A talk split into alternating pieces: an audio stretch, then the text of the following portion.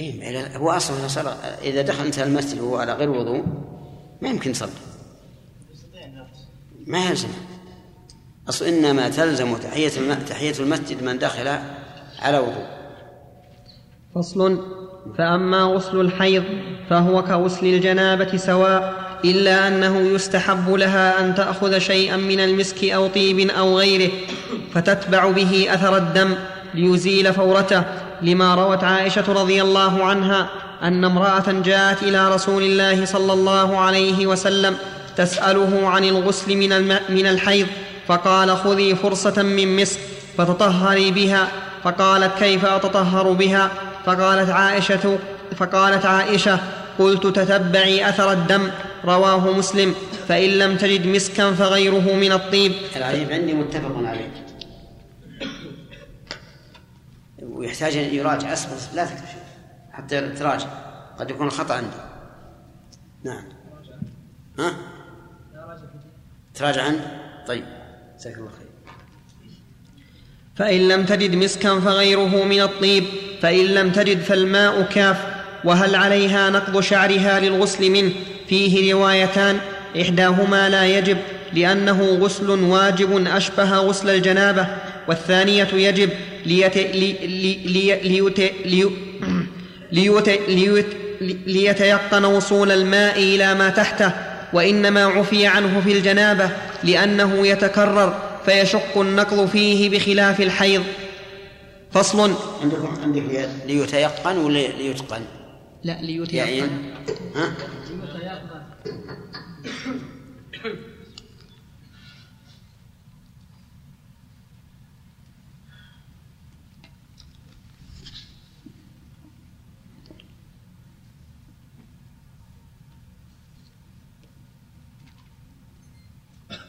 نعم.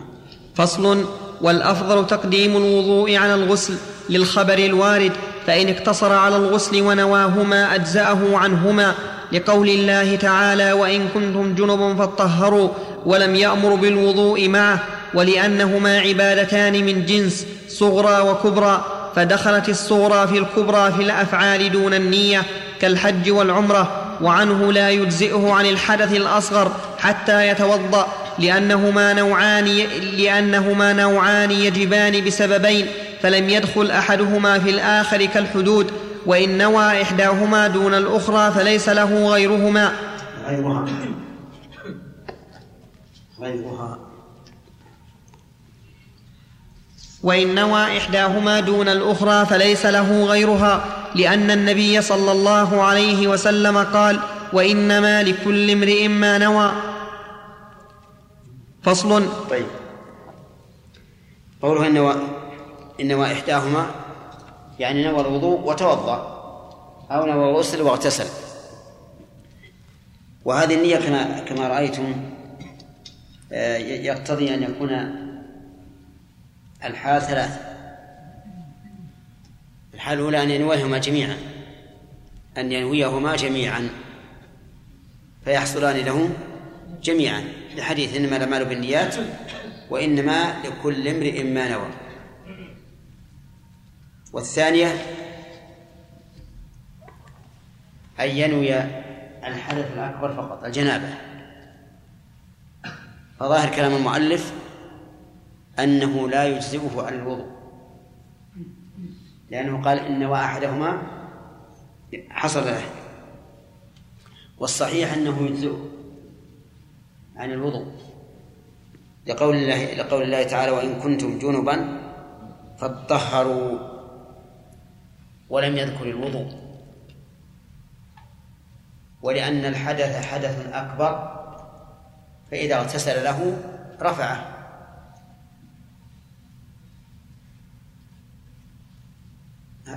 فعندنا الآن إن توضأ واغتسل وجعل لكل واحد منهما نية أجزأ. إن اغتسل فقط ونواهما أجزأ إن اغتسل فقط ونوى الأكبر فالمذهب لا يجزي والصحيح أنه يجزي وهو اختيار شيخ الإسلام ابن تيمية وهو ظاهر الآية لقوله تعالى وإن كنتم جنبا فاطهروا نعم. الصحيح في نقض الشعر نعم. الصحيح عدم وجوب النقد. في الحيض. لأن متى وصل الماء إلى وصول الشعر كفى. نعم. الله إليك في مسألة في مسألة الجنوب نعم. استدل بعض العلم أنه لا يجوز للإنسان وهو جنوب حتى حتى لو كان متوضي ما يجوز له أن يلبس في المسجد. نعم. في حديث النبي صلى الله عليه وسلم لا يحل في المسجد الجنوب ولا الحائض. أما قالوا فعل الصحابة رضوان الله عليهم يعني ضعفوا الذي ورد عن الصحابة رضوان الله عليهم نعم. وكيف نرد عليهم؟ نعم. نرد عليهم إذا إذا ثبت ضعفه إذا ثبت ضعفه فلا حجة بقي لا حجة يجوز إذا إذا ثبت الضعف فهو مع ليس ليس بحجة. لأن لأن الجنوب وإن توضأ فهو باق على جنابته. لكن من المعلوم أن الوضع أن الوضوء يخفف الجنابة. ولهذا ينام الإنسان إذا توضأ وهو جنوب. ولا ينام إذا لم يتوضأ.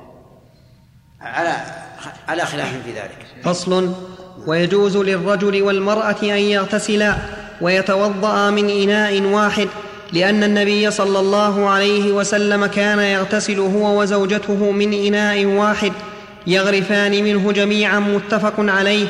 وقال ابن عمر كان الرجال والنساء يتوضؤون في زمن رسول الله صلى الله عليه وسلم من إناء واحد رواه أبو داود. ويجوز للمرأة التطهر بفضل طهور الرجل وفضل طهور المرأة وللرجل التطهر بفضل طهور الرجل وفضل طهور المرأة ما لم تخل به فإن خلت به ففيه روايتان. إحداهما يجوز أيضا لما روت ميمونة قالت أجنبت فاغتسلت من جفنة ففضلت فيها فضلة فجاء النبي صلى الله عليه وسلم ليغتسل منه. فقلت إني اغتسلت منه فقال إن الماء ليس عليه جنابة رواه أبو داود ولأنه ماء لم ينجس. رواه مسلم. مسلم؟ أنا عندي رواه مسلم. عطوا بدر. ما المتفق عليه. ولأنه ماء لم ينجس ولم يزل ولم يزل, ولم يزل عن إطلاقه فأشبه فضلة الرجل. والثانية لا يجوز للرجل التطهر به لما روى الحكم بن عمرو. قال نهى رسول الله صلى الله عليه وسلم أن يتوضأ الرجل بفضل طهور المرأة. حديث حسن. قال أحمد رحمه الله. نعم. ما أخذت اكتبوا. الأخير. حديث قبل منه. ها؟ يعني نكتب في الدفتر وبعد كذا في أحاديث في الدفتر ما أخذت طيب. أجل كيف تعرف؟ يمر عليك؟ اي نعم حديث ابن عمر يا شيخ. أخاف يمرون الديار ولم يعودوا حديث ابن عمر. ها؟ حديث ابن عمر كان الرجال والنساء يتوضؤون. اي هذا أيضا قيده أنا قلت لك بالأول قلت لك لو أنك تتبع الكتاب أنت بنفسك. نعم شيخ أنا متتبع من الأول. خلاص. أجل تتبعه وأعطني أحسن. قال أحمد رحمه الله جماعة من الصحابة كرهوه وذكر منهم وذكر منهم ابن عمر وعبد الله بن ابن سرجس وخص ما خلت به لقول عبد الله بن سرجس توضأ انتهى هنا فأما إذا خلت فلا تقربنه توضأ ها هنا وهي ها هنا. عندكم سبت؟ ها؟ كيف؟ لقول عبد الله توضأ أنت ها هنا عندكم هذا. وهي ها هنا.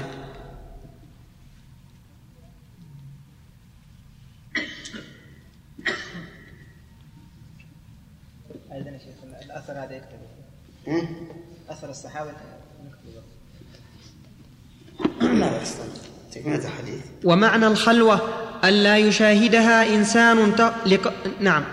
ومعنى الخلوة ألا يشاهدها إنسان تخرج بحضوره عن الخلوة في النكاح وذكر القاضي أنها لا تخرج عن الخلوة ما لم يشاهدها ما لم يشاهدها رجل وإنما تؤثر خلوتها في الماء اليسير لأن النجاسة لا تؤثر في الكثير فهذا أولى ولا يخرج الماء الذي خلت به المرأة عن إطلاقه بل يجوز للنساء التطهر به من الحدث والنجاسة وللرجل إزالة النجاسة به لأن منع الرجل من الوضوء به تعبد فوجب قصره على مورده وذكر مورده.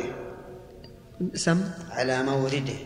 فوجب قصره على مورده وذكر القاضي أنه لا يزيل النجاسة لأن ما لا, لأن ما لا يرفع الحدث لا يزيل النجس كالخل وهذا لا يمكن القول بموجبه فإن هذا يرفع حدث المرأة بخلاف الخل.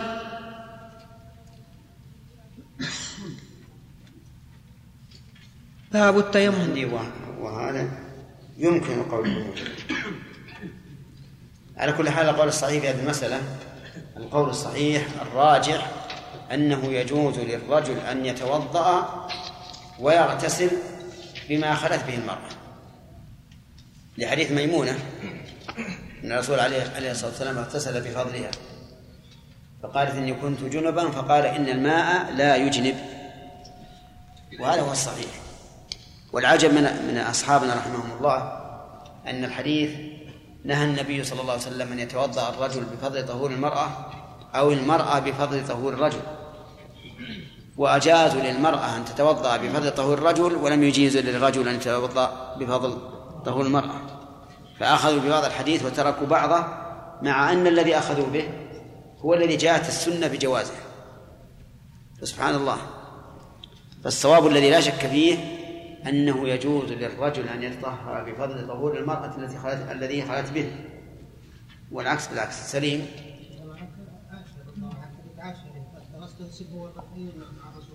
إيش؟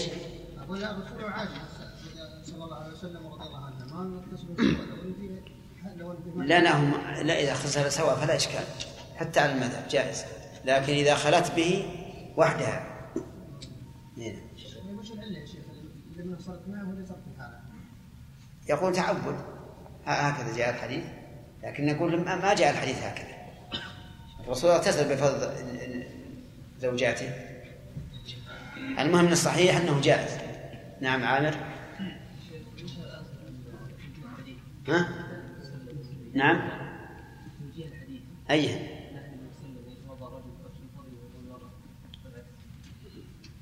هذا على سبيل على سبيل الأولوية فقط. مو حرام. وكأن النبي عليه عليه الصلاة والسلام والله أعلم أراد أن يغتسل الرجل مع زوجته كما كان هو يفعل. لأن ذلك أدنى للمحبة والإلفة وأقل تكلفا. لأن الإناء يكون واحدا. هذا والعلم الله. باب التيمم. التيمم طهارة بالتراب يقوم مقام الطهارة بالماء عند العجز عن استعماله لعدم أو مرض. لقول الله تعالى وإن كنتم جنبا فاطهروا وإن كنتم مرضى أو على سفر. إلى قوله فلم تجدوا ماء فتيمموا صعيدا طيبا فامسحوا بوجوهكم وأيديكم منه. وروى عمار قال أجنبت فلم أجد فل قال أجنبت فلم أجد الماء فتمرغت في. فتمرغت في الصعيد كما تتمرغ الدابة ثم أتيت النبي صلى الله عليه وسلم فذكرت ذلك له فقال إنما يكفيك إنما يكفيك أن تقول بيديك هكذا ثم ضرب بيديه الأرض ضربة واحدة ثم مسح الشمال على اليمين وظاهر كفيه ووجهه متفق عليه والسنة في التيمم أن يضرب بيديه على الأرض ضربة واحدة ثم يمسح بهما وجهه ويد ويديه إلى الكوعين للخبر ولأن الله تعالى أمر بمسح اليدين واليد عند الإطلاق في الشرع تتناول اليد إلى الكوع بدليل قوله تعالى والسارق والسارقة فاقطعوا أيديهما وإن مسح, يدي وإن مسح يديه إلى المرفقين فلا بأس لأنه روي عن النبي صلى الله عليه وسلم وسواء فعل ذلك بضربتين أو أكثر ويستحب تفريق الصواب أنه أنه وإن كان ذهب بعض العلماء إلى أن التيمم إلى المرفقين فإن هذا ضعيف. لأن حديث عمار بن ياسر صريح بأن الرسول عليه الصلاة والسلام إنما مسح الكفين فقط. وكذلك قوله تعالى وأيديكم فامسحوا وجوهكم وأيديكم منه واليد عند الإطلاق للكف بدليل قوله تعالى والسارق والسارقة فاقطعوا أيديهما نعم. وإن مسح يديه إلى المرفقين فلا بأس لأنه روي عن النبي صلى الله عليه وسلم وسواء فعل ذلك بضربتين أو أكثر ويستحب تفريق أصابعه عند الضرب ليدخل الغبار, ليدخل الغبار فيما بينهما وإن كان التراب ناعما فوضع اليدين, فوضع اليدين عليه وضعا وإن كان التراب ناعما فوضع اليدين عليه وضعا أجزأه. ويمسح, جم ويمسح جميع ما يجب غسله من الوجه مما لا يشق مثل باطن الفم والأنف وما تحت الشعور الخفيفة لقوله تعالى فامسحوا بوجوهكم وكيفما مسح بعد أن يستوعب الوجه والكفين إلى الكوعين جاز لأن المستحب في الضربة الواحدة. إلا أن إلا أن المستحب. نعم. نعم. الحاشية وهو العظم الذي عند نهاية الكف مؤشر على المرفقين إيش؟ مؤشر على المرفقين إيش يقول؟ الحاشية وهو العظم الذي عند نهاية الكف لا غلط. يمكن على الأول. الترقيم. الترقيم خطأ. أقول ترقيم خطأ. أي نعم أي نعم. إلا أن المستحب في الضربة الواحدة أن يمسح وجهه بباطن أصابع يديه وظاهر كفيه بباطن, بباطن راحتيه وإن مسح بضربتين مسح بأولى مسح بأولى بأولاه مسح بأولاهما وجهه وبالثانية يديه فإن مسح إلى المرفقين وضع بطون وضع بطون وضع بطون أصابع وضع بطون أصابع اليسرى على ظهور أصابع اليمين ثم ثم ثم يمرهما إلى مرفقيه ثم يدير بطن كفه إلى بطن الذراع ويمر ويمره عليه ويرفع إبهامه فإذا بلغ الكوع أمر إبهام يده اليسرى على إبهام يده اليمنى ثم مسح بيده اليمنى يده اليسرى كذلك. ثم يمسح إحدى الراحتين بالأخرى ويخلل بين أصابعه. هذا التكلف هذا صحيح خلاف ما قال المؤلف. صحيح أنه إذا ضرب ضربة واحدة مسح هكذا الوجه كذا ثم مسح الكفين هكذا. وكذلك لو لو ضرب بضربتين مسح بالأولى الوجه والثاني مسح الكفين بعضين من بعض. وأما خلاف التكلف اللي ذكر المؤلف رحمه الله. هذه مثل ما ذكر فيما سبق أنه يتنحنح إذا قاط من البول. نعم. مثل قولهم أنه بعضهم قال يركض. بعضهم قال يتعلق بالحبل. يشيل وينزل. نعم. وإن يممه غيره نعم, نعم سلام. ها؟ لا لا. خطأ. يمسح الجميع لكن بعض العلماء قال قال كما قال المؤلف يمسح بباطن الأصابع الوجه كذا والكفين بالراحة بناء على أنه لو مسح الوجه والكفين بالراحة لمسح بماء بتراب مستعمل. والتراب المستعمل عندهم يكون طاهرا غير مطهر.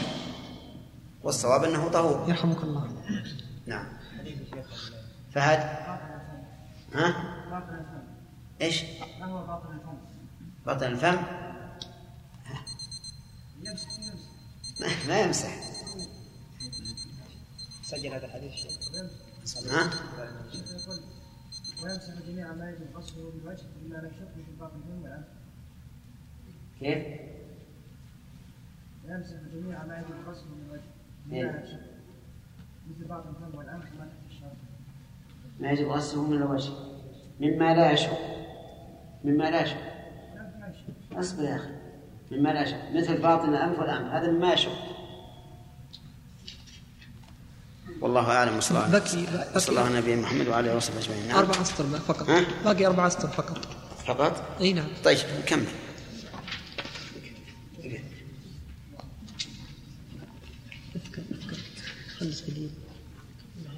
ويخل بين اصابعه وإن يممه غيره جاز كما يجوز أن يوضئه وإن أثارت الريح عليه أثارت. سم؟ وإن أطارت الريح. عندنا أثارت. أطارت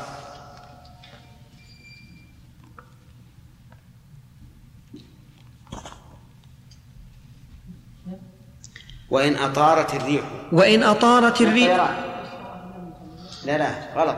عندكم غلط وإن أطارت الريح عليه ترابا فمسح وجهه بما على يديه جاز وإن مسح وجهه بما عليه لم يجز لأن الله تعالى أمر بقصد الصعيد والمسح به ويحتمل أن يجزئه إذا صمد للريح لأنه بمنزلة مسح غيره له.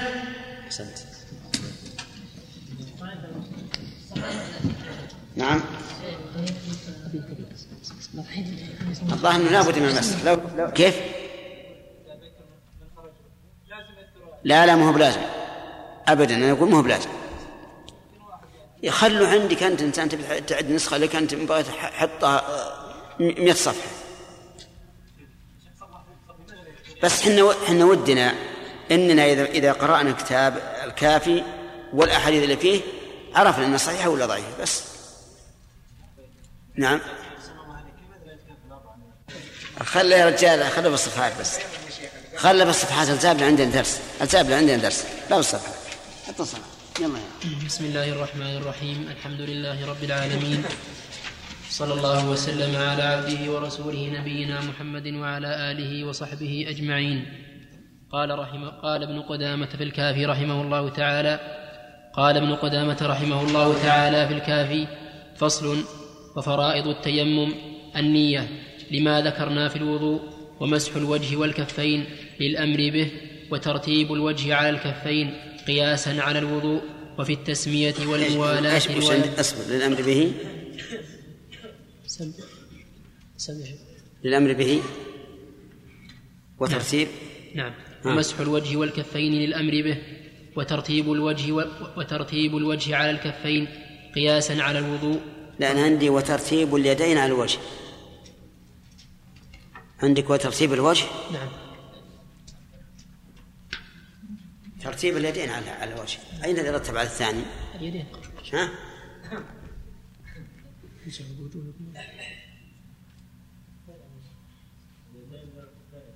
نعم. ترتيب اليدين على الوجه. عندكم أنتم ترتيب الوجه على اليدين. الكفين. أو على الكفين. المهم على أين اللي يرتب على الثاني؟ على اليدين يا أخي. اليدين مرتب على الوجه. حطونا صح ونص. اليدين صح من اي لا والذين أصح. لأنه قال امسحوا وجوهكم وأيديكم منه اكتبوا ترتيب اليدين على الوجه. اشطبوا اللي عندكم؟ واكتبوا ترتيب اليدين على الوجه.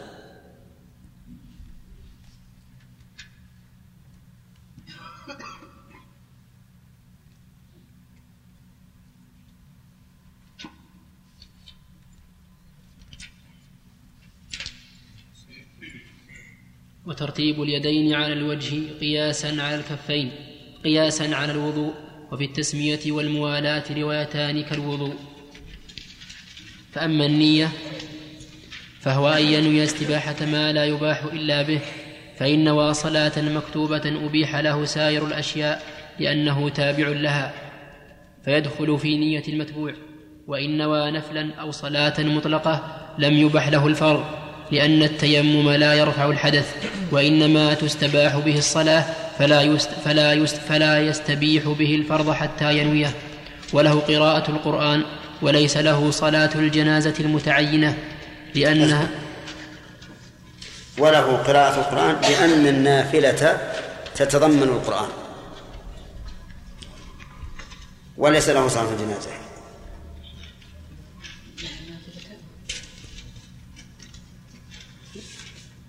وله قراءة القرآن. وش بعده؟ نعم. لأن النافلة لأن النافلة تتضمن القرآن.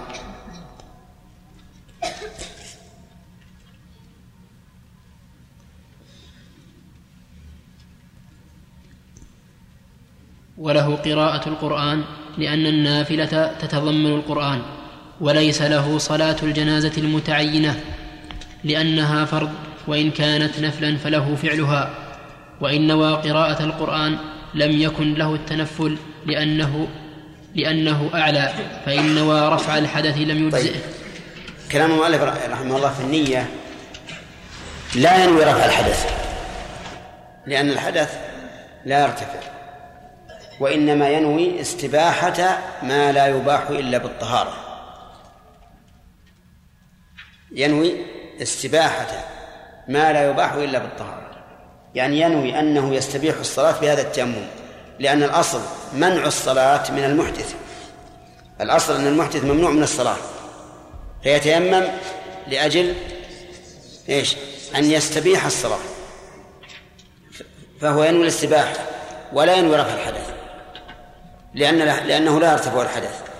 وإذا كان إذا كانت النية نية استباحة فإنه إذا نوى استباحة استباحة الأدنى لا يباح له الأعلى.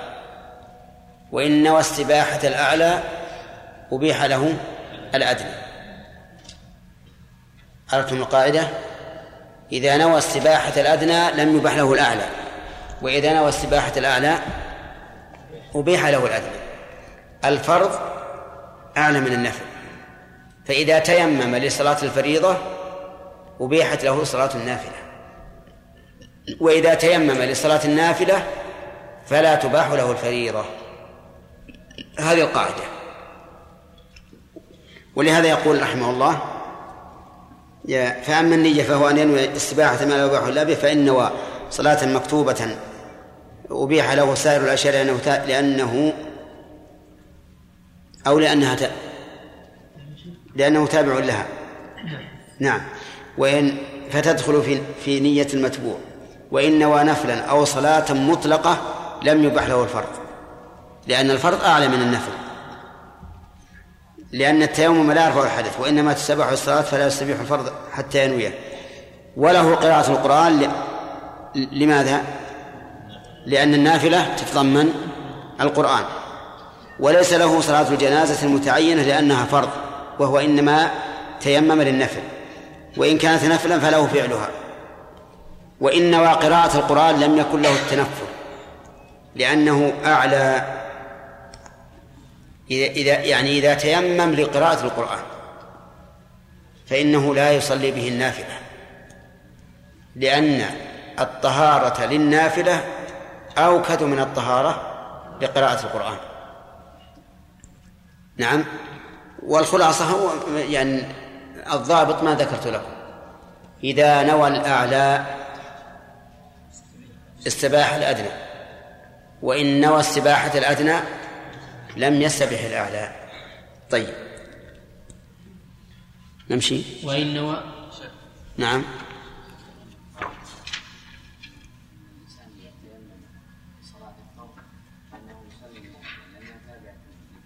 نعم.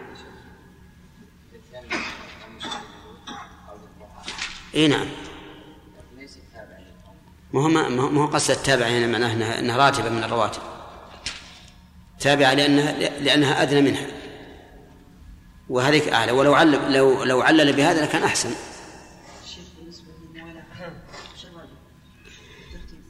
سبق لنا أن الراجح الترتيب والموالاة أيضا. في التيمم وغير التيمم. فينا لأن الله ذكره مرتبا.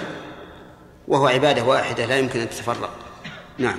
وإن نوى قراءة القرآن لم يكن له التنفل لأنه أعلى فإن نوى رفع الحدث لم يجزئه لأن التيمم لا يرفع الحدث وعنه ما يدل على أنه يرفع الحدث فيكون حكمه حكم الوضوء في نيته ولا بد له ولا بد له من تعيين ما يتيمم له من الحدث الموجب للغسل. هذه الرواية عن أحمد هي الصحيحة بلا شك أن التيمم يرفع الحدث. حطوا باله. ودليل ذلك قوله تعالى فلم تجدوا ماء فتيمموا صعيدا طيبا فامسحوا بوجوهكم وأيديكم منه. ما يريد الله ليجعل عليكم من حرج ولكن يريد ليطهركم. وهذا نص صريح. ولا تطهير إلا برفع الحدث. وقال النبي عليه الصلاه والسلام جعلت لي الأرض مسجدا وطهورا. فأيما رجل من أمتي أدركت الصلاة فعنده مسجده وطهوره. وهذا صريح أيضا بأنه في أنه إيش؟ يطهر فيرفع الحدث. ولكن رفعه للحدث رفع مؤقت. ما دام عادما للماء أو عاجزا عن استعماله. يعني ما دام العذر قائما. عرفتم؟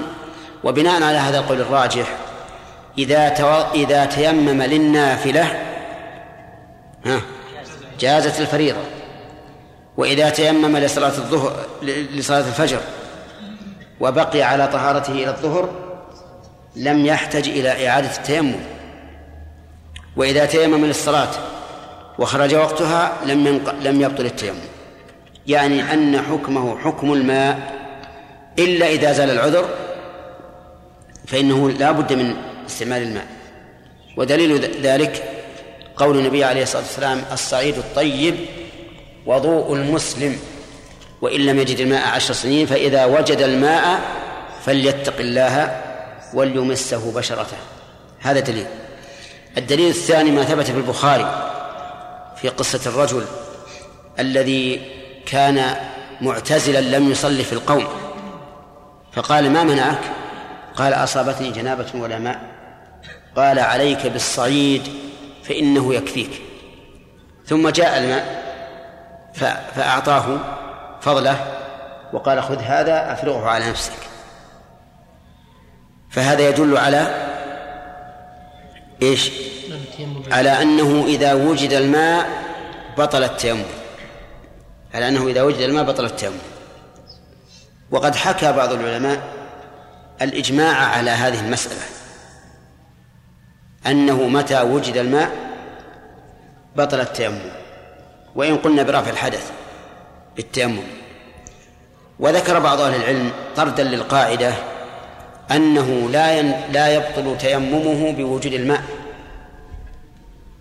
لأنه يقول في تعليله إذا إذا ثبت ارتفاع الحدث فإنه لا يعود إلا بدليل لا يعود إلا بدليل. فنقول له في الجواب على هذا سهل. ماذا نقول؟ وجد الدليل. نقول وجد الدليل على أن من وجد الماء وقد تيمم لعدمه فعليه أن يتطهر بالماء. ومن ومن برئ من مرضه وقد تيمم من أجل المرض فإنه يجب عليه أن يتطهر بالماء. نعم إذا تيمم ها؟ إذا؟ وشرع صلى نعم. ثم أتي هل ينتظر بعد ما صلى؟ في أثناء الصلاة. ستأتي في كلام المؤلف لكن سيأتينا إن شاء الله في الخلاف. ها؟ ها؟ إذا قال عنه إيه؟ لا لا. إذا قال إذا قال أصحاب المذهب وعن الإمام أحمد كذا فمعناه أن المقدم عندهم خلافة. يكون لا يكون المقدم عند المؤلف خلاف هذا الشيء. أما إذا قال ففيه روايتان فهما مطلقتان. أو إذا قال فعنه كذا وعنه كذا. كما يوجد في كتاب الفروع مثلا إن فعل كذا فعن الإمام أحمد كذا وعنه كذا يكون هذا أيضا رواية مطلقة. نعم. شيخ يقول وترتيب اليدين على الوجه قياسا على الوضوء. نعم. لو علقنا القياس هنا على الآية نهجت صريحة تغسلوا تمسحوا بوجوهكم وأيديكم. هذا أحسن. يعني لو استدلنا بالآية لكان أحسن. مقاس على الوضوء إيه. لا هو النص واضح. نعم. ولا بد له من تعيين ما يتيمم له من الحدث الموجب للغسل أو الوضوء أو من الحدث الموجب للغسل أو الوضوء أو النجاسة. فإن تيمم للحدث ونسي الجنابة. طيب. لا بد من تعيين ما يتيمم له. عندنا الآن متيمم عنه ومتيمم له. ما هو المتيمم عنه؟ الحدث. البول الغائط الجنابة. ومتيمم له. وهو ما يستبيحه بالتيمم كالصلاة وقراءة القرآن وما أشبه ذلك.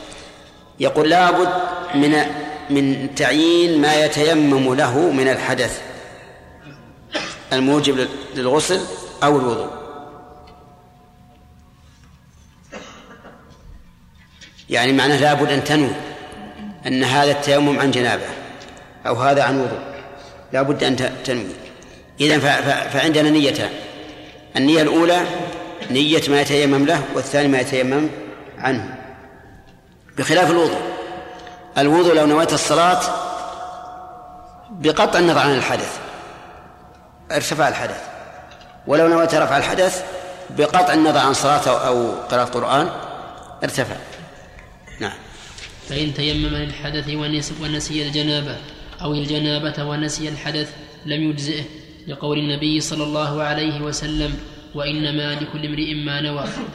ولأن ذلك لا يجزئ في الماء وهو الأصل ففي البدل أولى. فصل. ويجوز التيمم عن جميع الأحداث. يقول المؤلف هنا الموجب للغسل أو الوضوء أو النجاسة. الصحيح أنه لا تيمم للنجاسة. النجاسة إن قدرت على إزالتها فأزلها وإن لم تقدر فلا تيمم. لأن الله إنما ذكر التيمم في الحدث. ولأن النجاسة المطلوب زوالها والتيمم لا يزيلها. نعم. فصل. إيش؟ اي الجنازة سنة إذا صلي عليها أول مرة. إذا صلي عليها أول مرة فما بعدها سنة. نعم. فصل. ويجوز التيمم عن جميع الأحداث لظاهر الآية لظاهر الآية وحديث عثمان. عمار. وحديث عمار. وحديث عمار. صححوا وروى عمران بن حصين أن رسول الله صلى الله عليه وسلم رأى رجلا معتزلا لم يصلي مع القوم فقال يا فلان ما منعك أن تصلي مع القوم؟ قال أصابتني جنابة ولا ماء عندي. قال عليك بالصعيد فإنه يكفيك. متفق عليه. ويجوز التيمم للنجاسة. وهذا نص على أنه يجوز التيمم عن الحدث الأصغر وحديث عمار أيضا صريح. وقد أنكر أمير المؤمنين عمر بن الخطاب التيمم للجنابة وقال التيمم لحدث الأصل فقط.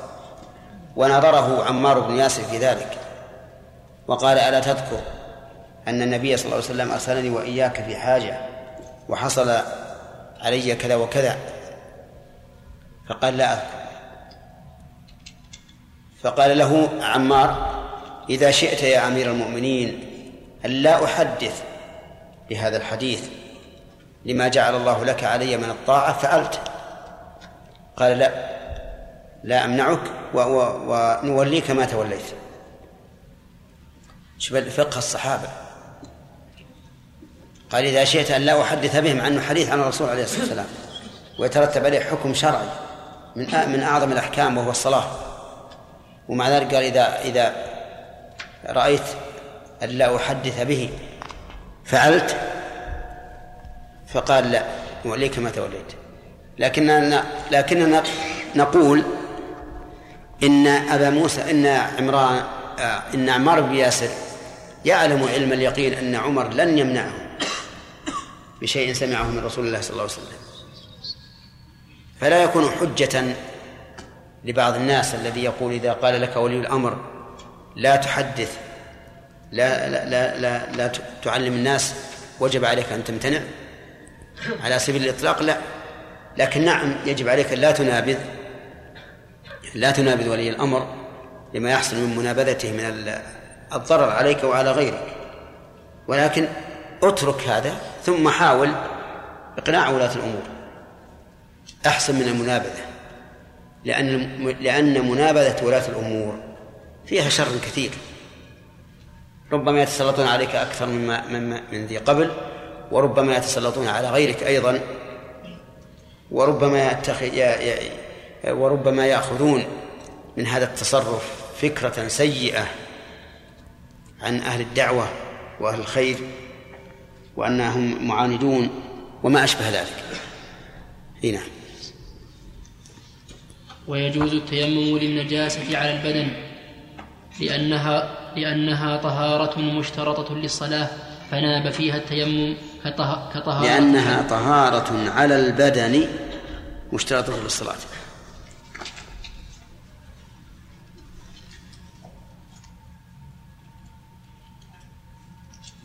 لأنها طهارة على البدن مشترطة للصلاة فناب فيها التيمم كطهارة الحدث. واختار أبو الخطاب أنه يلزمه الإعادة إذا تيمم لها عند عدم الماء وقيل في وجوب الإعادة روايتان إحداهما لا يجب لقوله عليه السلام. إحداهما؟ إحداهما لا يجب. إحداهما لا يجب. أصبر.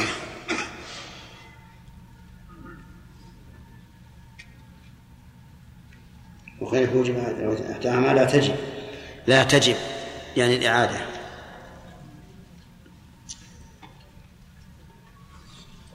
إحداهما لا تجب لقوله عليه السلام التراب كافي كما لم تجد الماء وقياسا وقياسا على التيمم وقياسا على التيمم الحدث مم. للحدث. وقياسا على التيمم للحدث. وقياسا على التيمم للحدث. والأخرى تجب الإعادة لأنه صلى الله لأنه صلى بالنجاسة فلزمته الإعادة كما لو لم يتيمم. وقي ولا يجوز التيمم ولا يجوز التيمم عن النجاسة في غير البدن لأنها طهارة في البدن فلا تؤثر في غيره كالوضوء. إذن عندنا ثلاثة أشياء. الحدث والتيمم عنه ثابت بالنص والإجماع. طهارة نجاسة الثوب فلا تيمم عنها قولا واحدا. يعني مثل الإنسان في ثوبه نجاسة وليس عنده ما يغسلها به وليس عنده ثوب غيره فلا يتيمم. يصلي بالثوب النجس. ولكن ماذا يصنع؟ يصلي بالثوب النجس ويعيد على المذهب. والصحيح أنه يصلي بالثوب النجس ولا يعيد. لماذا؟ لقوله تعالى فاتقوا الله ما استطعتم. وأنا ليس عندي إلا هذا الثوب. هل أصلي عريانا وأضع الثوب على الأرض أو أصلي في الثوب وأقول هذه قدرتي؟ نعم. نقول صلي في الثوب وقل هذه قدرتي. لكن على المذهب يلزمه أن يصلي في الثوب ثم إذا وجد ثوبا آخر أو غسله وجب عليه إعادة الصلاة. فإذا بقي في الثوب شهرا صلى صلاة الشهر. 150 صلاة. وإذا وجد ما يغسل به الثوب أعادها 150 صلاة. بأي بأي دليل؟ وهل أوجب الله على العبد أن يصلي صلاتين؟ أبدا. فاتقوا الله ما استطعتم. كذلك أيضا النجاسة على البدن وهي القسم الثالث النجاسة على البدن فيها خلاف. هل يتيمم لها أو لا والصحيح أنه لا يتيمم لها. فإن صلى وهو نجس سواء قلنا بالتيمم أو بعدمه فالمذهب أنه إذا تيمم لا إعادة عليه والقول الثاني الذي اختاره أبو الخطاب أنه يعيد. والصواب أنه لا يتيمم ولا يعيد. التيمم إنما يكون في طهارة الأحداث فقط. لأنه هو الذي جاء به النص. ولأن النجاسة لا تزول بالتيمم. فلا فائدة. طيب فإذا قال قائل والحدث هل يزول بالتيمم؟ نقول نعم. لأن الحدث وصف ومعنى ليس شيئا محسوسا. يزال وصف ومعنى. وإذا تعبد الإنسان لربه سبحانه وتعالى بأن عفر وجهه بالتراب فهذا أكمل الطهارة. هذه طهارة قلبية. إذا ما هو القول الراجح؟ خلاصة الفصل هذا. القول الراجح أن التيمم رافع للحدث ولكنه رفع مؤقت. ثانيا القول الراجح أنه لا يتيمم عن النجاسة لا في ثوبه ولا في بدنه ولا في بقعته. كذا وأنه يصلي ولا إعادة عليه. يصلي ولا يعاد عليه. سواء كانت النجاسة في البدن أو كانت في الثوب أو كانت في البقعة بأن حبس في محل النجس. كله سواء ليس عليه إعادة. شيخ لو جاء الماء قبل خروج وقت الصلاة وقد صلى هل يعيد؟ ولم يخرج وقت الصلاة؟ بعضهم يقول يعيد لأن كم بقيت في بطن أمك؟ 19 المهن بس تسع دقائق يمكن يصلها الآن. فصل. نعم. إذا كانت النجاسة في ظرف الثوب يستطيع قطع الثوب لا لا يلزمه. هذا فيه إتلاف للمال وإفساد له. و- والإنسان منهي عنه.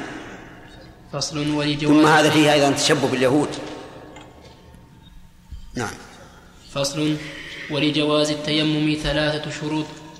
أحدها العجز عن استعمال الماء وهو نوعان. أحدهما عدم الماء لقول الله تعالى فلم تجدوا ماء ولقول النبي صلى الله عليه وسلم الصعيد الطيب الصعيد الطيب وضوء المسلم وإن لم يجد الماء عشر سنين. فإذا وجدت الماء فأمسه فأمسه جلدك. فأمسه جلدك. رواه أبو داود.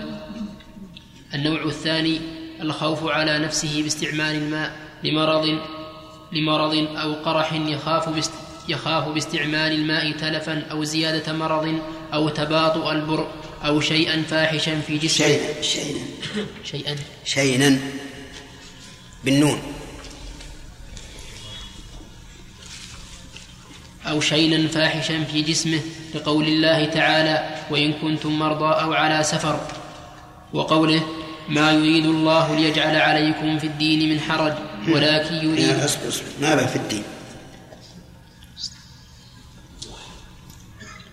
ما يريد الله ليجعل عليكم من حرج ولكن يريد ليطهركم. وإن وجد ماء يحتاج إلى شربه للعطش أو شرب رفيقه أو بهائمه. أو بينه وبينه سبع أو عدو يخاف على نفسه أو ماله أو خاف على ماله إن تركه إن تركه وذهب إلى الماء فله التيمم لأنه خا لأنه خائف الضرر باستعماله. فهو كالمريض وإن خاف وإن خاف لشدة البرد وإن خاف لشدة وإن خاف لشدة البرد تيمم وصلى لما روى عمرو بن العاص لما روى عمرو بن العاص قال احتلمت في ليلة باردة في غزوة ذات السلاسل فأشفقت إن اغتسلت أن أهلك فتيممت وصليت بأصحابي الصبح فذكروا ذلك للنبي صلى الله عليه وسلم فقال يا عمرو أصليت بأصحابك صليت. عندك بس فهم؟ ما يخالف ترى المعنى واحد. نعم. فقال يا عمرو أصليت بأصحابك وأنت جنب فأخبرته بالذي منعني من الاغتسال ثم قلت سمعت الله يقول ولا تقتلوا أنفسكم إن الله كان بكم رحيما فضحك النبي صلى الله عليه وسلم ولم يقل شيئا. قيد هذا يا حجاج قيد الحديث نعم. فضحك النبي صلى الله عليه وسلم ولم يقل شيئا. رواه أبو داود. ولأنه خائف على نفسه أشبه المريض ولا إعادة عليه إن كان مسافرا لما ذكرنا. وإن كان حاضرا وإن كان حاضرا ففيه روايتان. إحداهما لا يلزمه الإعادة لذلك والثانية يلزمه لأنه ليس بمريض ولا مسافر ولا يدخل في ولا يدخل في عموم الآية. ولأن الحضر مض... ولأن الحضر مظنة إمساك ولأن الحضر مظنة إمكان إسخان الماء. فالعجز عنه عذر غير متصل وإن قدر على إسخان الماء لزمه كما يلزمه شراء الماء. ومن وجد ماء ومن, ومن كان واجدا للماء فخاف فوت الوقت لتشاغله بتحصيله أو استسقائه لم يبح له التيمم لأن الله تعالى قال فلم تجدوا ماء فتيمموا وهذا واجد وإن خاف فوات الجنة. والصحيح أنه يتيمم. الصحيح أنه يتيمم. يعني مثلا إنسان ضاق عليه الوقت وخاف إن اشتغل بتحصيل الماء أن يخرج الوقت. أو يتيمم ويصلي في الوقت. نقول يتي- يتيمم ويصلي في الوقت. لأن أصل مشروعية التيمم من أجل الصلاة في الوقت. وإلا لقيل للإنسان انتظر حتى تجد الماء ولو بقيت يوما أو يومين. فإذا كان كذلك فلا فرق بين أن يجده عن قرب أو عن بعد. فله أن يتيمم. ولعموم قوله تعالى يا أيها الذين آمنوا إذا قمتم إلى الصلاة فأصلوا وجوهكم ثم قال فلم تجدوا ماء فتيمموا. نعم. نعم.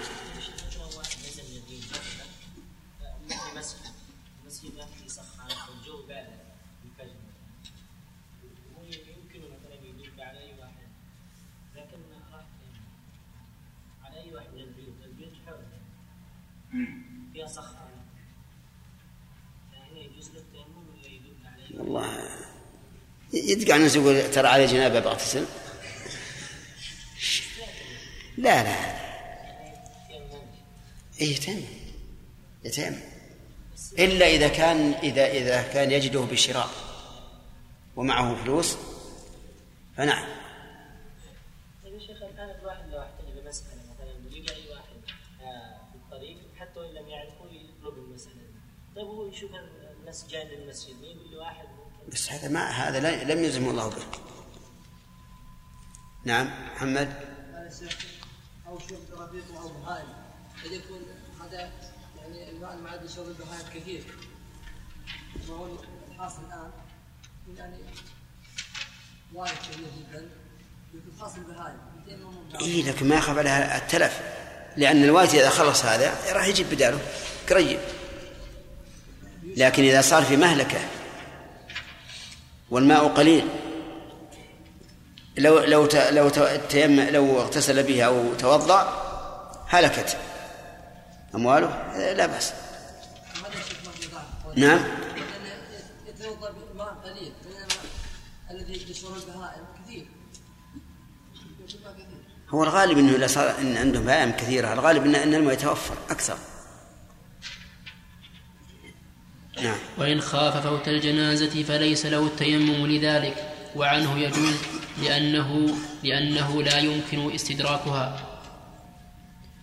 والثاني والثاني طلب الماء والثاني طلب الماء شرط في الرواية. فصل الثاني طلب الماء.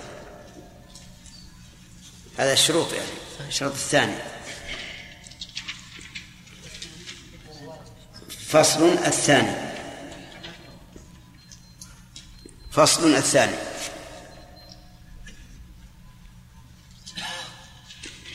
فصل الثاني طلب الماء شرط في طيب مسألة التيمم لفوت الجنازة. وجيه. وكذلك التيمم لخوف فوت الجمعة. وكذلك التيمم لخوف فوت صلاة العيد. كل هذا جائز. فلو أن الإنسان في صلاة الجمعة أحدث في أثناء الخطبة وقال إن ذهبت أتوضأ فاتتني الصلاة وإن تيممت أدركت الصلاة نقول تيمم تيمم وصل لماذا؟ لأنه لو ذهب فاتته الصلاة ولا يمكن ولا يمكن تداركها طيب فإن كان ذلك في صلاة الظهر مثلا. في صلاة الظهر. أحدث عند إقامة الصلاة وقال إن ذهبت أتوضأ فاتتني الصلاة وإن تيممت أدركت الصلاة. فهل يذهب يتوضأ؟ أو يتيمم؟ يتوضأ.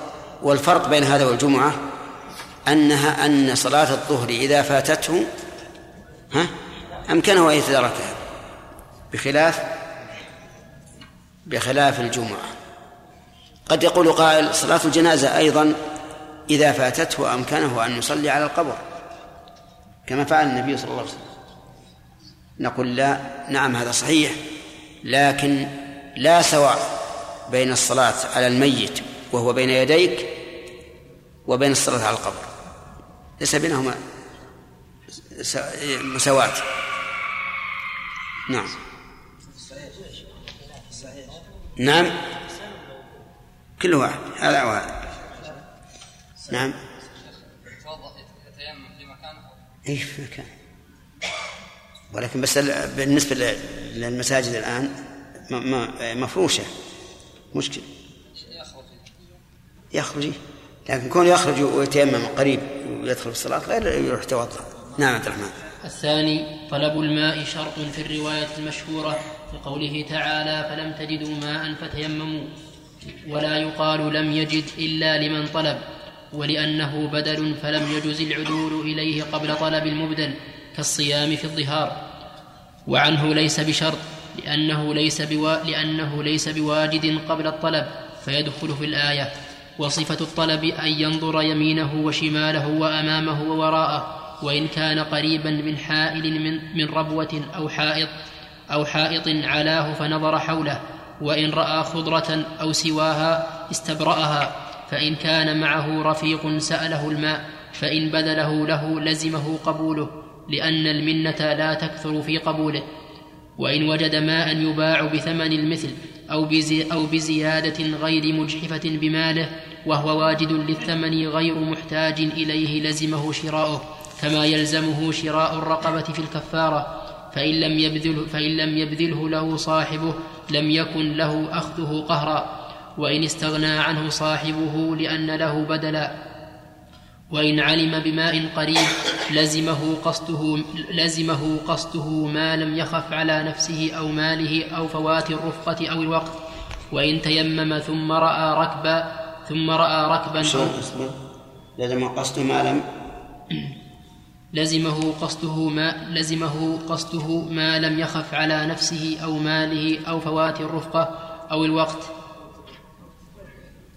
نعم. أو فوت الرفقة أو الوقت. نعم. وإن تيمم ثم رأى ركبا أو خضرة أو شيئا يدل على الماء أو سرابا ظنه ماء قبل الصلاة لزمه الطلب. لأنه لأنه وجد دليل الماء وبطل تيممه. ويبطل.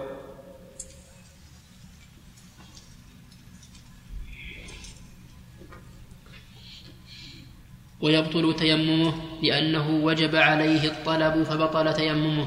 كما لو رأى ماء وإن رأى الركب ونحوه وإن رأى الركب ونحوه في الصلاة لم تبطل لأنه شرع فيها بطهارة متيقنة فلم يبطلها بالشك.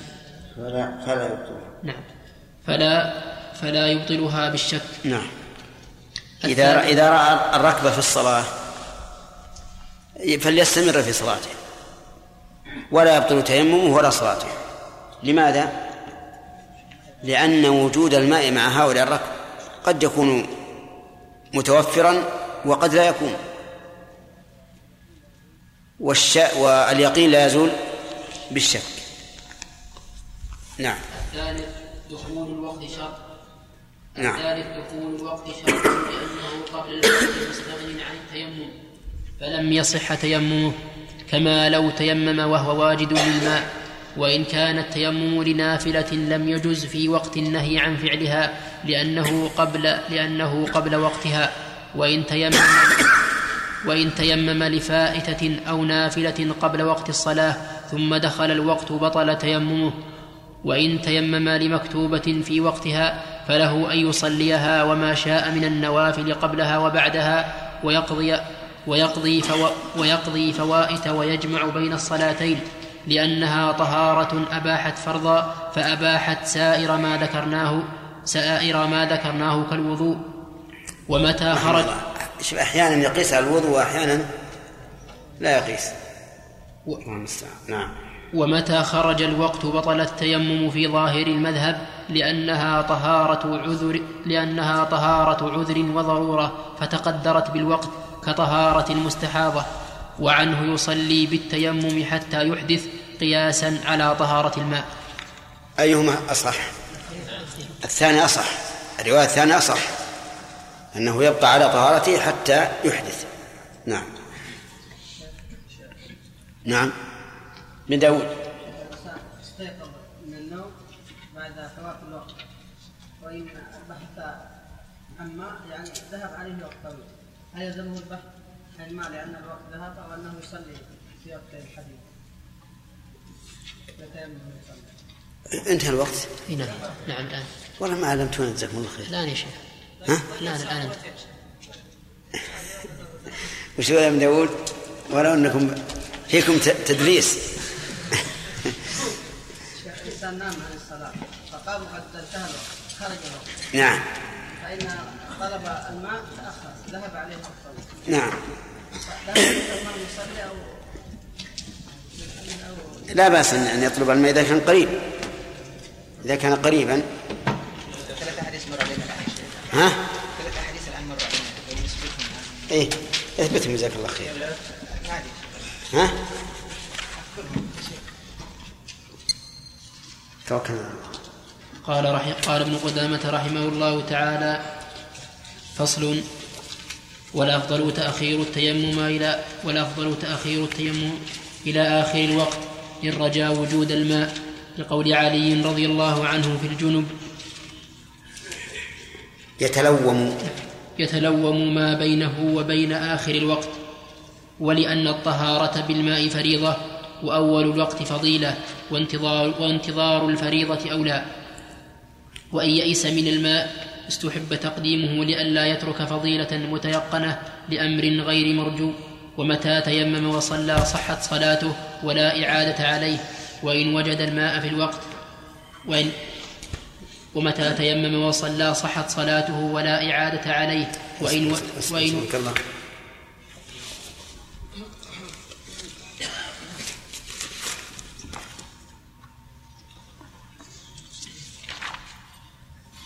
نعم. آه، بس آه، اكتب عشان تصحها أنت ما دام إنك ما جبت تصحيحها أحسن. 67 نعم. طيب. ومتى تيمم وصلى صحت صلاته ولا إعادة عليه وإن وجد الماء في الوقت؟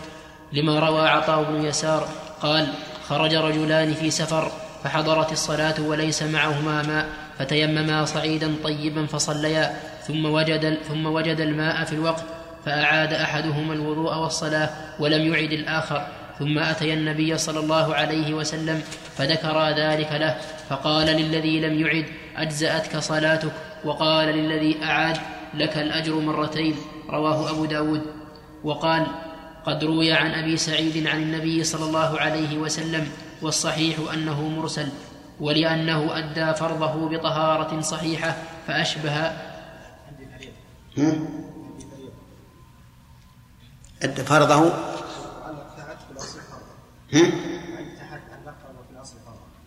فرضه. طيب تكتب نصف فريضة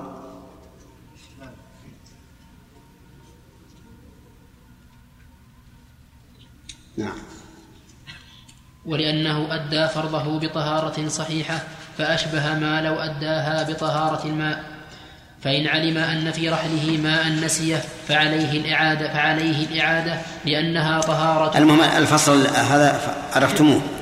إذا كان الإنسان يرجو أن يجد الماء فالأفضل أن يؤخر الصلاة حتى يصلي بماء؟ وإن علم وجود الماء فقيل كذلك. الأفضل أن يؤخر. وقيل بل يجب أن يؤخر لأنه بعلمه وجود الماء يكون فرضه أن يستعمل الماء. فإن فإن فإن فإن لم يرجو وجود الماء أو علم أنه لن يجد الماء فالأفضل أن يقدم أن يقدم الصلاة في أول وقتها. فإذا صلى ثم وجد الماء بأن جاء به رجل مر به في الطريق وأعطاه ماء أو أمطرت السماء فوجد الماء فإن صلاته صحيحة ولا إعادة عليه إعادة عليه. وذكر قصة الرجلين اللذين خرجا في حاجة فتيمما ثم وجد الماء. فقال النبي صلى الله صلى الله عليه وسلم للذي لم يعد أصبت السنة؟ وقال للآخر لك الأجر مرتين وإنما جعل له الأجر مرتين لأنه أدى عبادة يظنها واجبة عليه فصار مأجورا على عمله. لكن بعد أن يعلم الإنسان أن السنة عدم الإعادة لو أعاد فإنه لا ليس له أجر. لأنه خالف خالف السنة. نعم. فإن علم أن في رحله ماء نسيه فعليه الإعادة لأنها طهارة واجبة فلم تسقط بالنسيان. كما لو نسى عضوا لم يغسله كما كما لو نسي عضوا لم يغسله وإن ضل عن رحله أو ضل عنه غلامه الذي معه الماء فلا إعادة عليه لأنه غير مفرط. وإن وجد بقربه بئرا أو غديرا علامته ظاهرة أعاد لأنه مفرط في الطلب وإن كانت أعلامه وإن كانت أعلامه خفية لم يعد لعدم تفريطه عندكم عندكم أعلامه فيها تاء أنا عندي فيها تاء علامته أو غديرا لا هذا بعد؟ علامته ظاهرة ولا أعلامه؟ نعم علامة إيه. شيء. نعم الثاني علامه صحيح. نعم. فصل. فإن وجد ماء لا يكفيه لزمه استعماله وتيمم للباقي إن كان جنبا لقول الله تعالى فلم تجدوا ماء وهذا واجب. وقال النبي صلى الله عليه وسلم إذا أمرتكم بأمر فأتوا منه ما استطعتم. رواه البخاري. وقال إذا وجدت الماء فأمسه جلدك ولأنه مسح أبيح للضرورة. فلم يبح في غير موضعها كمسح الجبيرة وإن كان محدثا ففيه روايتان إحداهما يلزمه استعماله لذلك والآخر لا يلزمه لأن الموالاة شرط يفوت ب... لأن الموالاة شرط يفوت بترك غسل الباقي فبطلت طهارته بخلاف غسل الجنابة. والصحيح أنهما سواء. الصحيح أنه يستعمل ما وجد ويتيمم عن الباقي. لعموم قوله تعالى فاتقوا الله ما استطعتم. نعم. ها؟ اذا كان في الراحلة ماء ونسي آه، يعيد الصلاة. نعم. وإن وإن راحت ضاعت به الراحلة ضاعت الراحلة ثم رجعت لا يعيد الصلاة. نعم. لأنه غير مفرط. طيب حتى الأولى ما مفرط؟ نسي. وهذا من أي لكن لكنه في موضع أن يستطيع أن أن- أن يستعمله. في موضع يستطيع أن يستعمله. في رحله ها؟ أ- أ- لا الثاني ما هو الأصل أنه غائب عنه وأنه عادم للماء. نعم.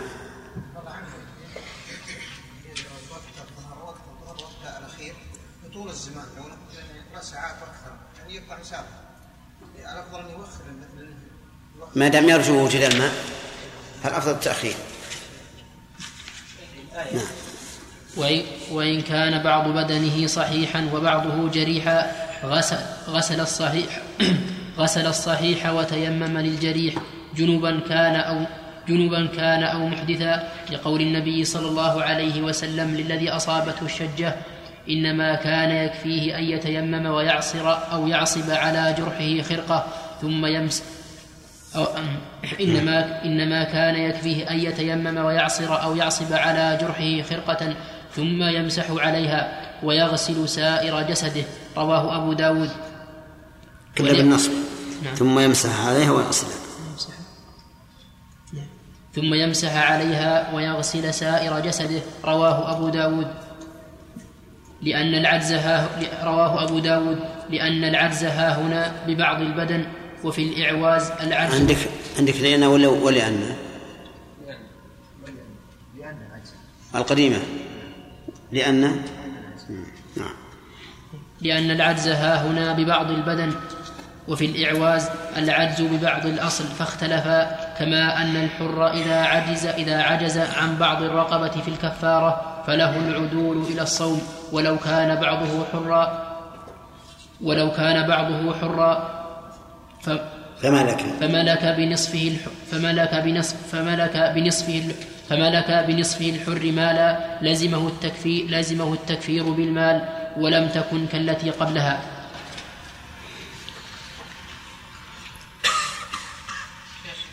نعم. نعم. بالنسبة الذي علم بوجود الماء شوف قلت أنه في قول أنه يجب عليه نعم. والله أنا ظاهر أن الأقرب وجوب التأخير.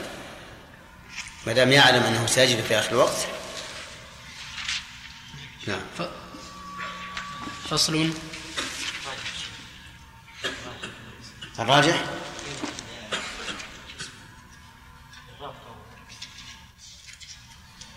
الراجح مثل ما قلنا إنه اذا وجد ماء لا يكفي بعد طهره يستعمله ويتيمم عن الباقي. كيف؟ إيه ما ما ما لوجود السبب. فصل. ويبطل التيمم بجميع مبطلات الطهارة التي تيمم عنها لأنه بدل عنها. فإن تيمم لجنابة ثم أحدث ثم أحدث منع من نعم ثم أحدث منع ما يمنع نعم. ثم أحدث منع ما يمنعه المحدث من ما, ما يمنعه ولا منع أي الحدث.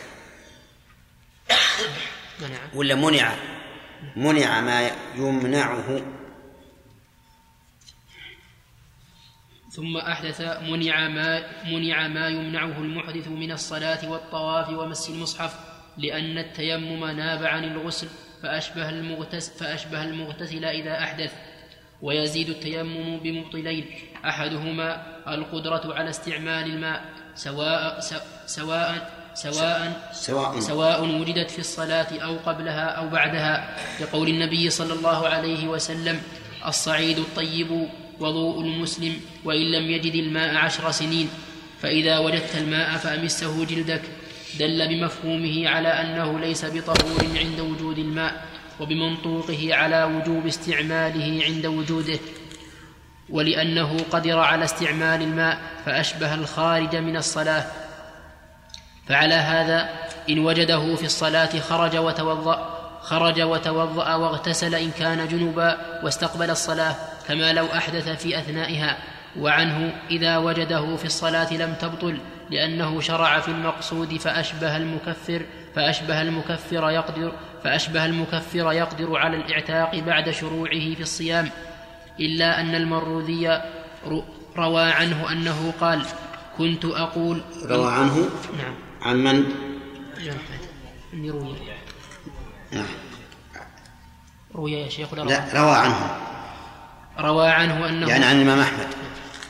روى عنه أنه قال كنت أقول إنه يمضي ثم تدبرت فإذا أكثر الأحاديث أنه يخرج وهذا يدل على رجوعه عن هذه الرواية والثاني والثاني خروج خروج الوقت يبطلها لما ذكرناه فإن خرج وهو في الصلاة بطل كما لو أحدث. ومن تيمم وهو لابس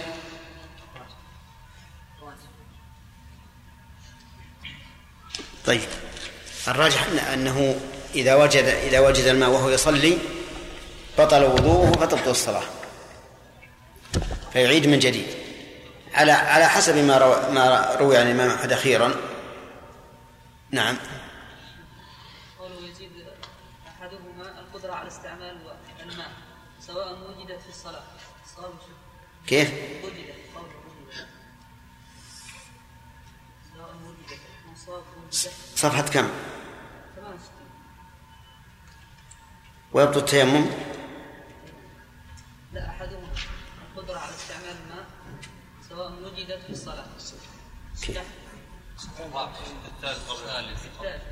طيب. ويزول التيمم بمطلع أحدهما القدرة على استعمال الماء سواء وجد أو وجدت يعني القدرة. أقول يصح وجدت. يعني القدرة. نعم. ومن تيمم وهو 68 كما أن الحر إذا عجز عن بعض الرقبة إي نعم. الحر. إنسان وجب عليه كفارة يمين. عتق رقبه ولكن لم يجد إلا نصف القيمة فهو يعدل إلى الصوم. أو وجب عليه كفارة الظهار ولم يجد إلا نصف قيمة الرقبة يعدل إلى الصوم. ومن تيمم ومن تيمم وهو لابس خفا أو عمامة يجوز المسح عليها ثم خلع أحد ثم خلع أحدهما فقد ذكر أصحابنا أنه يبطل تيممه لأنه من مبطلات الوضوء. ولا يقوى ذلك عندي لأنها طهارة لم لأنها طهارة لم يمسح عليهما. لأنها طهارة لم يمسح عليهما فلم تبطل بخلعهما كالملبوس على غير طهارة. لأنها طهارة لم يمسح عليهما فيها. فيها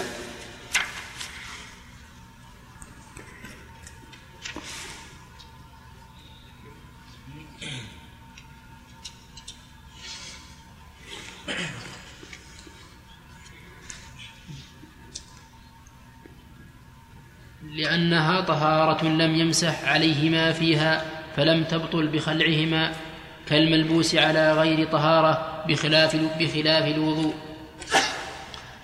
فصل. نعم. الراجح ما قاله الموفق رحمه الله. الراجح أنه لا يبطل.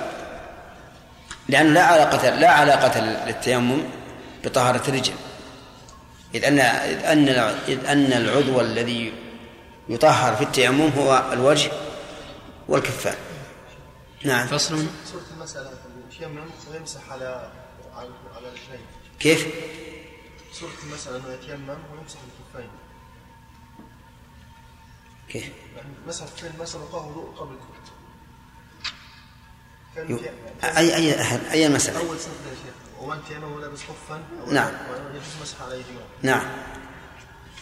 ثم خلع أحدهم الخف لا لا. المسألة هذه بس. إنه يمسح عليها دون أن يتوضأ. يعني يتيمم بعدين لو أحدث وجاء الماء يتوضأ ويمسح الخفين دون أن يغسل القدمين من قبل؟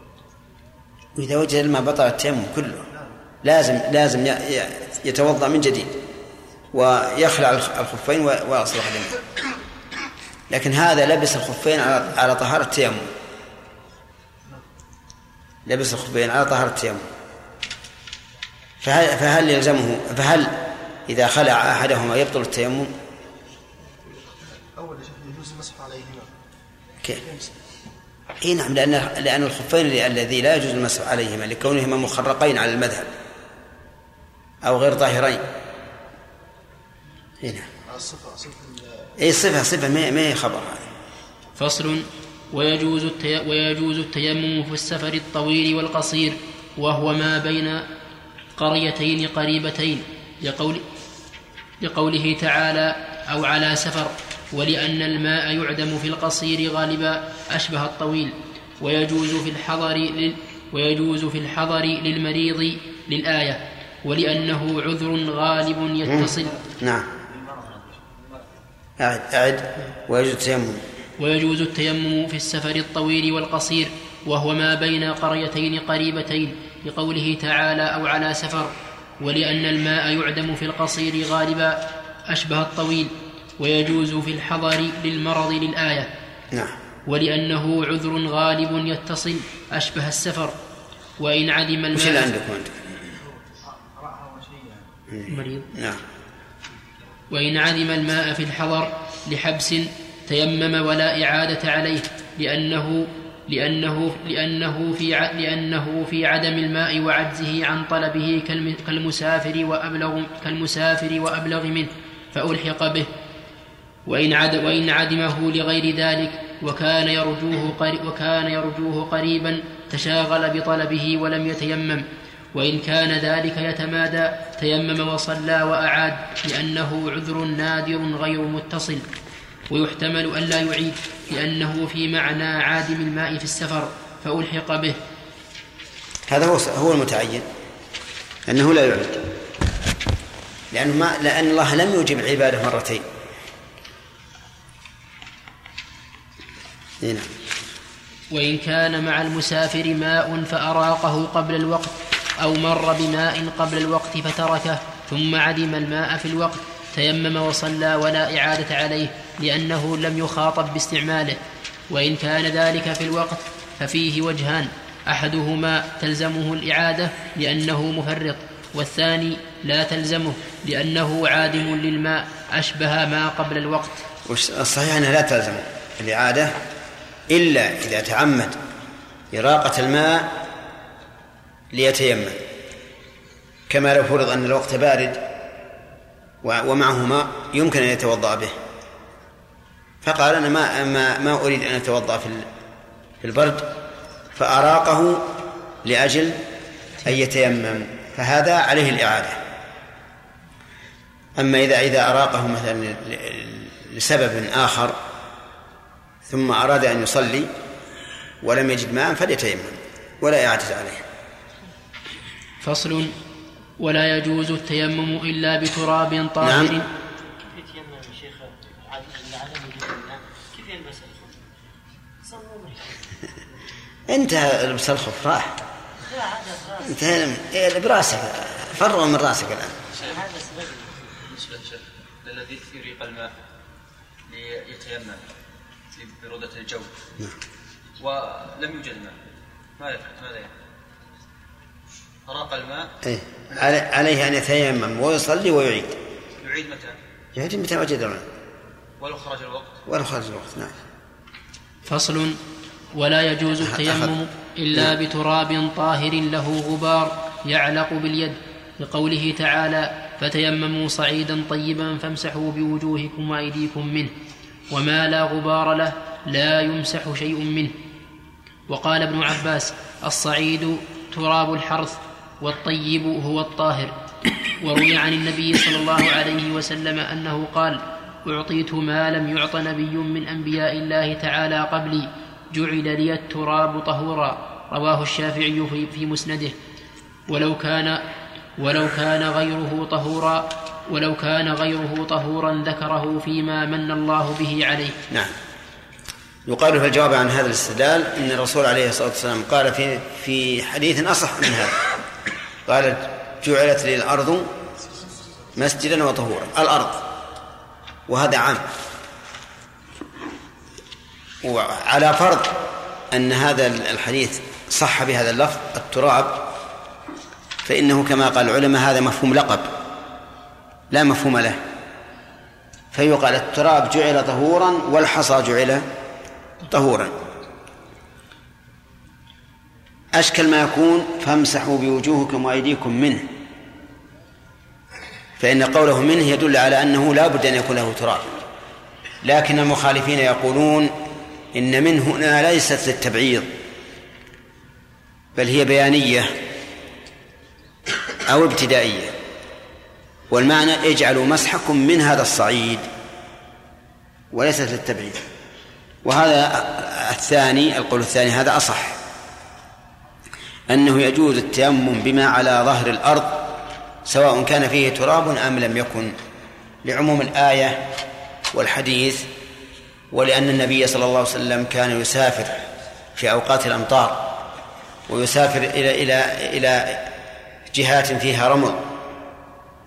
ولم ينقل عنه صلى الله عليه وسلم أنه قال للناس لا تتيمموا بل كانوا يتيممون بكل ما على الأرض. نعم. شيخ مسألة قبل قليل. يقول صلى الله عليه وسلم وإن لم يجد الماء عشر سنين. هل يعيد مدة العشر سنين؟ من؟ من أراق الماء متعمدا. قربا من من الوضوء بالماء. نعم. هل يعيد ولو ولو يعيد. عشر سنين؟ أو عشرين.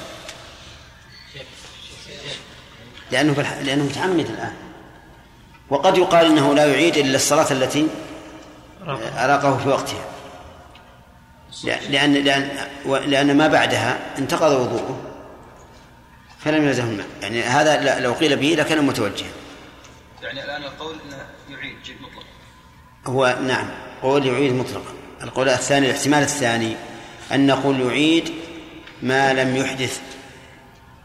فإن أحدث فقد خوطب بطهارة جديدة وهنا ليس عنده إلا التراب.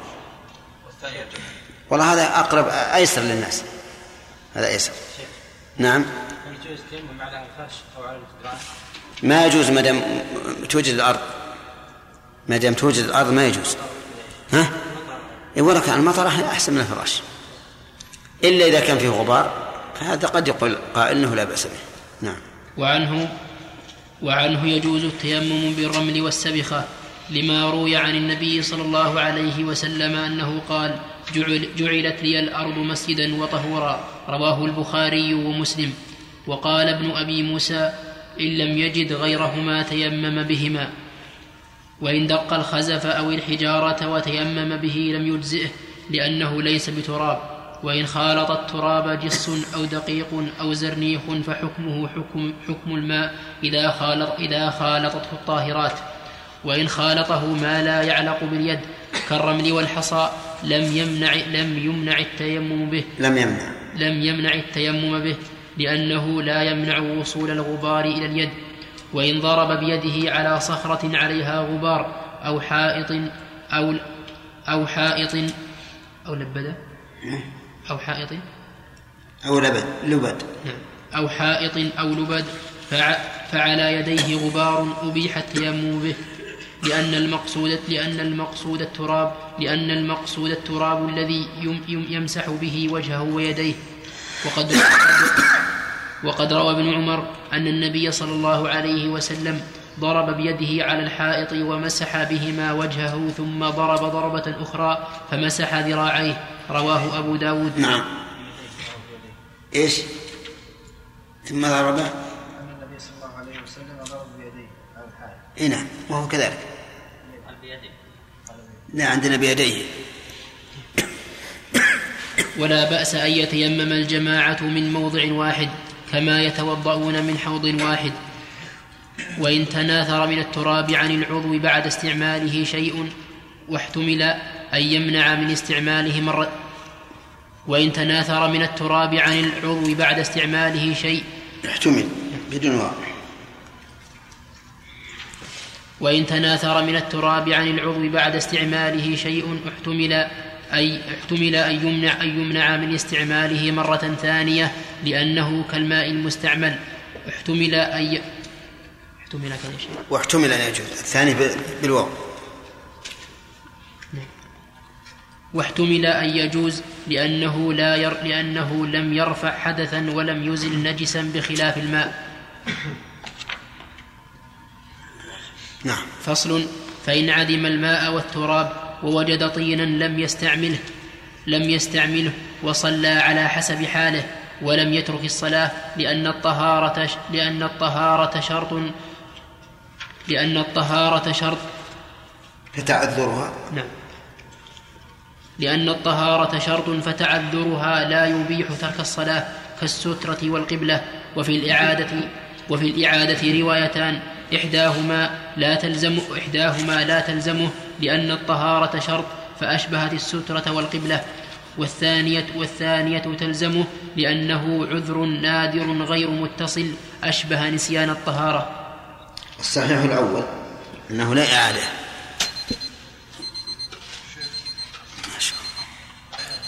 نعم.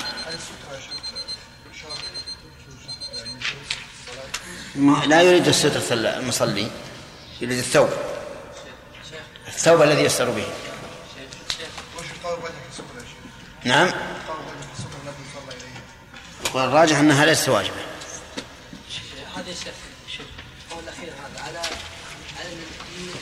وقفنا على فصل إذا اجتمع جنوب وميت. نعم. خرج الحديث أنت. خرج الحديث. هذا لعبد الله العامر حديث تسعين. نعم. فصل. إذا اجتمع جنوب وميت وحائض معهم ماء لأحدهم لا يفضل عنه فهو أحق به ولا يجوز أن يؤثر به لأنه واجد للماء فلم يجزئه التيمم فإن آثر به وتيمم لم يصح تيممه مع وجوده لذلك وإن استعمله الآخر فحكم المؤثر به حكم من أراق الماء وإن كان الماء لهم فهم فيه سواء وإن وجدوه فهم سبق الكلام على الإيثار وبينا أن الإيثار بالواجبات لا يجوز كهذه المسألة. إذا كان عند الإنسان ماء يكفيه لوضوئه ومعه آخر فإنه لا لا يجوز أن يؤثره في هذا الماء أو بهذا الماء. أما الإيثار بالمستحبات فقلنا إنه ينظر لما هو أصلح وأنفع. مثل أن نؤثره في الصف بالصف الأول. رحمك الله. فهنا نقول إن رأى مصلحة في ذلك وإلا فلا يؤثر. لأنه ينبئ عن رغبة أو عن عدم رغبة في الخير. وأما إذا وجد مصلحة أكبر من هذا مثل أن يكون الذي آثره أباه فهنا قد نقول الإيثار أفضل. وأما الإيثار بالمباحات فهو مباح في الأصل. الإيثار بالمباحات الأصل أنه مباح. وقد يكون مطلوبا وقد يكون غير مطلوب حسب ما تقتضيه الحال. فهذه ثلاثة أقسام في حكم الإيثار. وإن نعم. كان الماء لهم فهم فيه سواء وإن وجدوه فهو للأحياء دون الميت لأنه لا وجدان له وإن كان لغيرهم فأراد أن يجود به فالميت أولى به لأن غسله خاتمة طهارته وصاحباه يرجعان إلى الماء ويغتسلان وإن فضل, ما يك وإن فضل عنه ما يكفي أحدهما فالحائض أحق به لأن حدثها آكد وتستبيح بغسلها ما يستبيحه الجنب ما يستبيحه الجنب وزيادة الوطء. وإن اجتمع على رجل حدث ونجاسة فغسل النجاسة أولى لأن طهارة الحدث لأن طهارة الحدث لها بدل لها بدل مجمع عليه بخلاف النجاسة. وإن اجتمع محدث وجنب فلم يجدا إلا ما يكفي المحدث فهو أحق به لأنه يرفع جميع حدثه. وإن كان يكفي الجنب وحده فهو أحق به لما ذكرنا في الحائض. وإن كان يفضل عن كل واحد منهما فضلة وإن كان يفضل عن كل واحد منهما فضلة لا تكفي صاحبه ففيه ثلاثة أوجه. أحدهما يقدم الجن يقدم الجن يقدم الجنب لما ذكرنا والثاني